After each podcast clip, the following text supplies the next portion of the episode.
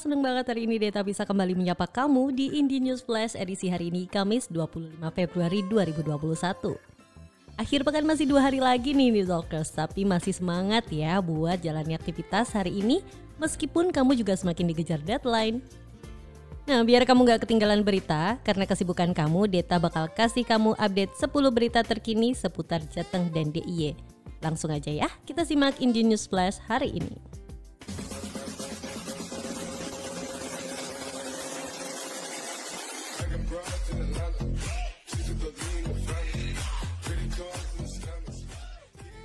Berita pertama, vaksin Sinovac aman untuk orang dengan komorbid.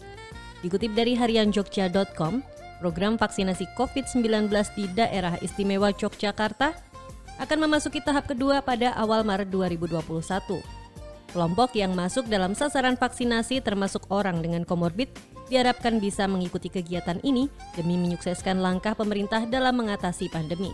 Seperti diketahui, pemerintah telah mengeluarkan surat edaran tentang pelaksanaan vaksinasi COVID-19 pada sekelompok sasaran lansia, komorbid, dan penyintas COVID-19 serta sasaran tunda.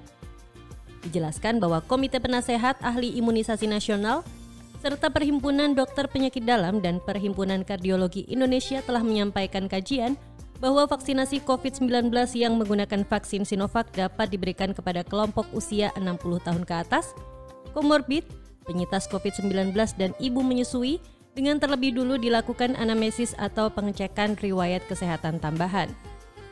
Selanjutnya, kelompok komorbid seperti hipertensi dapat divaksinasi kecuali jika tekanan darahnya di atas 180 per 110 mm Hg dan pengukuran tekanan darah sebaiknya dilakukan sebelum masuk screening.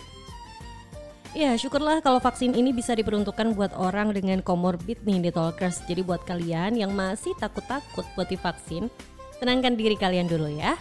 Atur pola hidup sehat supaya nanti nggak ada kendala lagi saat kalian mulai divaksin. Berita kedua, penumpang KRL terjebak di lift tak mendapat respon saat bunyikan alarm hingga akhirnya minta tolong di Twitter. Seperti dikutip dari tribunjateng.com, Seseorang terjebak di lift di stasiun kereta rel listrik atau KRL di Jatinegara, Jakarta Timur, Rabu 24 Februari 2021. Ia telah mencoba menyalakan alarm dan tombol call sesuai SOP jika lift macet, namun tak kunjung mendapatkan respon. Dengan memanfaatkan kekuatan sosial media, ia kemudian meminta tolong di Twitter. Setelah viral 35 menit kemudian, ia berhasil dikeluarkan. Seorang korban bernama Aldo Lim menjelaskan peristiwa tersebut terjadi sekitar pukul 17.02 waktu Indonesia Barat di lift yang terdapat di antara peron 5 dan 6 stasiun Jatinegara. Saat itu ia hendak menuju stasiun Duri dari stasiun Jatinegara. Saat terjebak di lift, ia telah mencoba menekan tombol call dan alarm namun tak kunjung mendapatkan respon. Ia kemudian berinisiatif merekam kejadian tersebut dan mengunggahnya di akun Twitter pribadinya dengan menyertakan tagar komuter lain maupun KAI121. Sekitar lima menit kemudian, petugas berusaha mengeluarkan Aldo dan dua rekannya dengan berupaya menyalakan lift. Aldo berhasil keluar setelah 35 menit terjebak di dalam lift tersebut. Wah, keren banget ya Hindi Talkers. Jadi kalau kamu lagi dalam kondisi yang mengancam keselamatan, jangan panik dulu. Kamu bisa manfaatkan media sosial buat menolong kamu. Gak kehitung loh udah berapa banyak jiwa terselamatkan dengan media sosial ini. Tapi tetap, kamu harus manfaatkan media sosial dengan bijak ya. Berita ketiga, Kapolres melakukan sidak anggota Polres Blora terkait kasus narkoba. Dikutip dari suaramereka.com, Kapolres Blora AKBP Wiraga Dimas Tama SIK menandaskan dalam hal penindakan kasus penyalahgunaan narkoba pihaknya tidak akan tebang pilih. Baik masyarakat umum ataupun anggota jika terlibat kasus tersebut akan ditindak dan diproses sesuai dengan aturan yang berlaku. Kapolres AKBP Wiraga mengungkapkan tes urin terhadap anggota tersebut adalah program rutin dalam rangka untuk meningkatkan kedisiplinan anggota Dikatakan sebelum menertibkan masyarakat, maka pihaknya melakukan penertiban anggota, apalagi narkoba menjadi salah satu atensi dari Kapolri. Sementara itu, Kasat Res Narkoba AKP Hartono SHMH menyampaikan bahwa dalam tes urin mendadak tersebut melibatkan si Propram, Urdokes dan Sat Narkoba Polres Blora sehingga jika ada anggota yang terindikasi positif dapat langsung ditindaklanjuti. Bahkan dalam tes urin tersebut digunakan sebuah alat tes kit narkoba yang bisa mengetahui secara cepat hasil tes urin seseorang. Berita keempat, Berikut tahapan vaksinasi COVID-19 guru dan tenaga pendidik. Dikutip dari harianjogja.com, pemerintah telah memulai program vaksinasi COVID-19 tahap kedua yang menyasar para pelayan publik dan lansia. Rabu 24 Februari 2021, guru atau pendidik dan tenaga kependidikan atau PTK telah menjadi sasaran vaksinasi. Hal ini sesuai dengan arah dan strategi WHO yang menempatkan guru sebagai salah satu prioritas dalam tahapan kedua vaksinasi COVID-19. Menteri Pendidikan dan Kebudayaan Nadiem Makarim mengatakan vaksinasi bagi guru dan tenaga pendidik seluruh jenjang pendidikan di satuan pendidikan negeri dan swasta baik formal maupun non-formal dan pendidikan keagamaan akan diberikan secara bertahap mulai dari pendidik dan tenaga kependidikan di PAUD, RA sederajat, SDMI sederajat, dan SLB. Selanjutnya pendidik dan tenaga kependidikan pada jenjang SMP MTS sederajat, SMA MA sederajat, dan SMK Tahap terakhir akan diberikan vaksin kepada PTK pada jenjang pendidikan tinggi atau sederajat. Nadi mengungkapkan bahwa esensi dari vaksinasi COVID-19 yang diprioritaskan untuk PTK adalah jawaban agar tahun ajaran baru bisa dimulai secara bertahap. Wah, semoga program vaksinasi buat para PTK ini berjalan lancar ya Hindi Talkers. Karena kayaknya udah banyak nih adik-adik yang pada bosan sekolah di rumah. Mungkin mama papanya juga udah mulai pusing nih. Berita kelima Dikutip dari suaramereka.com, Dinas Kesehatan atau Dinkes Sleman masih mematangkan skenario vaksinasi COVID-19 bagi pedagang pasar.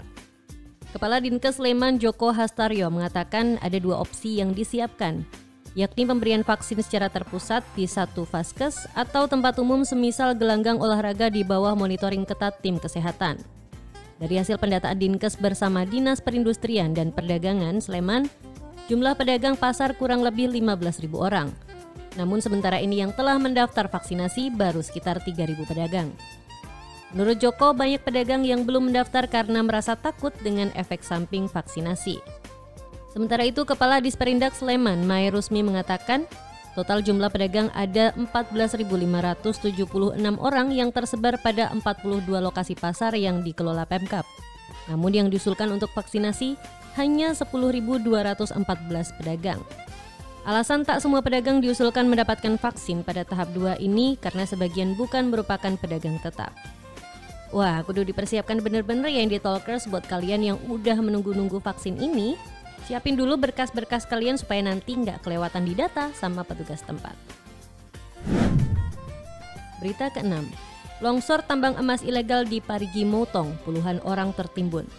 Seperti dikutip dari jatengtoday.com, Puluhan orang dilaporkan tertimbun longsor di lokasi penambangan emas ilegal di Dusun Sina, Desa Buranga, Kecamatan Ampibabo, Kabupaten Parigi Motong, Sulawesi Tengah.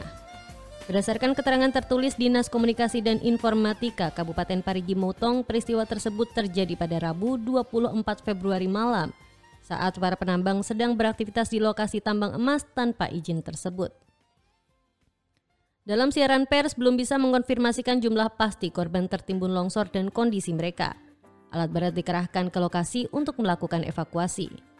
Sejumlah korban yang berhasil dievakuasi telah dilarikan ke puskesmas tempat untuk mendapatkan perawatan medis.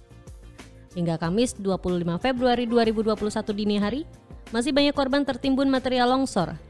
Sejauh ini dilaporkan jumlah korban yang berhasil dievakuasi 11 orang dan 5 di antaranya meninggal dunia.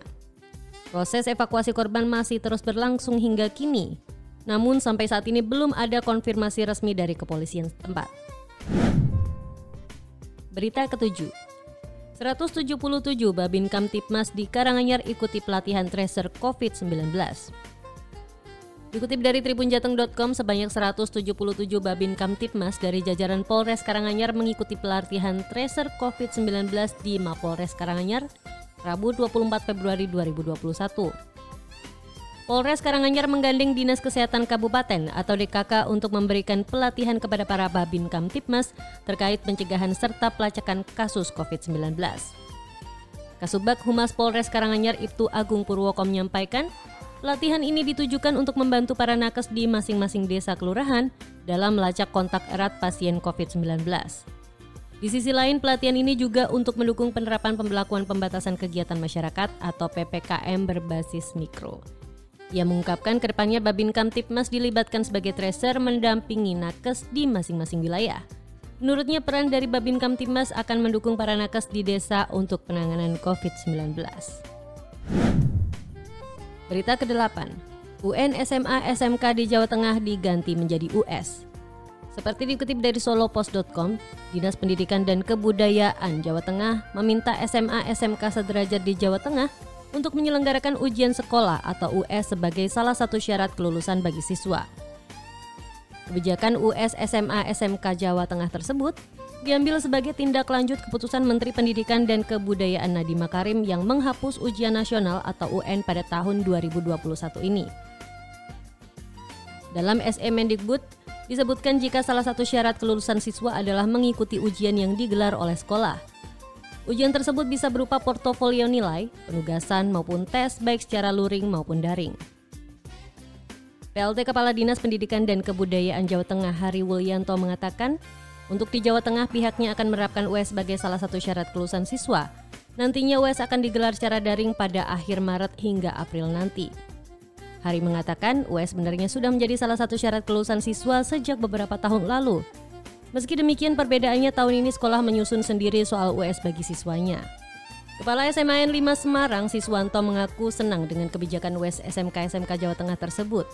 Menurutnya kebijakan sekolah membuat soal sendiri untuk US tersebut bisa memacu kreativitas guru. Wah, siap-siap ya Indie Talkers buat kalian yang mau ujian atau putra-putrinya yang sedang mempersiapkan ujian. Semoga nanti kalian bisa lulus dengan nilai yang memuaskan ya. Berita ke-9. Pendaftar UMKM Virtual Expo membludak. Dikutip dari solopos.com, pendaftar UMKM Virtual Expo 2021 dengan tema Solo Raya Berdigital Go Global membludak. Bahkan hingga Rabu 24 Februari 2021, tercatat telah ada 155 UMKM di Solo Raya yang mendaftar ke panitia. Direktur Bisnis Solo Pos Warmin mengatakan UMKM Virtual Expo merupakan ajang pelatihan dan pendampingan bagi para pelaku usaha mikro, kecil, dan menengah atau UMKM di Solo Raya. Event ini adalah program kolaborasi kantor perwakilan Bank Indonesia Solo dan Solo Pos. Menurut Suarmin, dengan membeludaknya pendaftar UMKM Expo Virtual 2021, menunjukkan bahwa ada keinginan pelaku UMKM untuk tumbuh dan berkembang, Apalagi mereka bakal didampingi oleh mentor hingga memiliki toko sendiri di marketplace. Membeludaknya minat pelaku UMKM di Solo Raya, Suarmin menduga karena mereka telah menanti event ini digelar kembali. Wah, kabar baik ya buat para pelaku UMKM ini talkers. Semoga dengan adanya pelatihan ini, para pelaku UMKM bisa makin maju dan bisa bersaing di era digitalisasi ini. Berita ke-10. Perakiraan cuaca Semarang hari ini berpotensi diguyur hujan ringan. Seperti dikutip dari suaramereka.com, hari ini Kamis 25 Februari 2020, cuaca kota Semarang diperkirakan berpotensi diguyur hujan berintensitas ringan. Seperti dilansir dari situs Badan Meteorologi, Klimatologi, dan Geofisika atau BMKG, arah angin dari barat dengan kecepatan berkisar 20 km per jam dengan suhu 24 hingga 30 derajat Celcius. Sementara kelembapan udara di sekitar Semarang berkisar 70 sampai 90 persen. Sementara di wilayah Pantura seperti Brebes, Tegal, dan Pemalang diperkirakan berawan tebal dan diguyur hujan berintensitas ringan. Arah angin dari barat dengan kecepatan berkisar 20 km per jam dengan suhu 24 hingga 30 derajat Celcius dan kelembapan udara 70 sampai 95 persen. Untuk wilayah Merapi yang meliputi Sleman, Boyolali, Magelang, dan Salatiga, Cuaca diperkirakan berawan dan berpotensi diguyur hujan berintensitas sedang pada siang hari. Sedangkan Pantura Jawa Tengah bagian timur seperti Kudus, Pati, dan Rembang, cuaca diperkirakan diguyur hujan berintensitas ringan, arah angin dari tenggara dengan kecepatan berkisar 20 km per jam dengan suhu 23 hingga 30 derajat Celcius dan kelembapan udara 70 sampai 95 persen. Nah, buat indie talkers yang ada di wilayah yang sudah Deta sebutin tadi, tetap waspada ya. Apalagi di daerah yang berpotensi terjadi banjir, mending kamu siapin alternatif angkutan atau jika kamu pakai kendaraan pribadi, kamu bisa mulai memikirkan rute lain buat menghindari banjir. Nah itulah tadi Indie Talkers 10 berita terkini seputar Jateng dan DIY yang Deta sampaikan hari ini. Tetap semangat jalani aktivitas ya. Keep connecting, keep inspiring.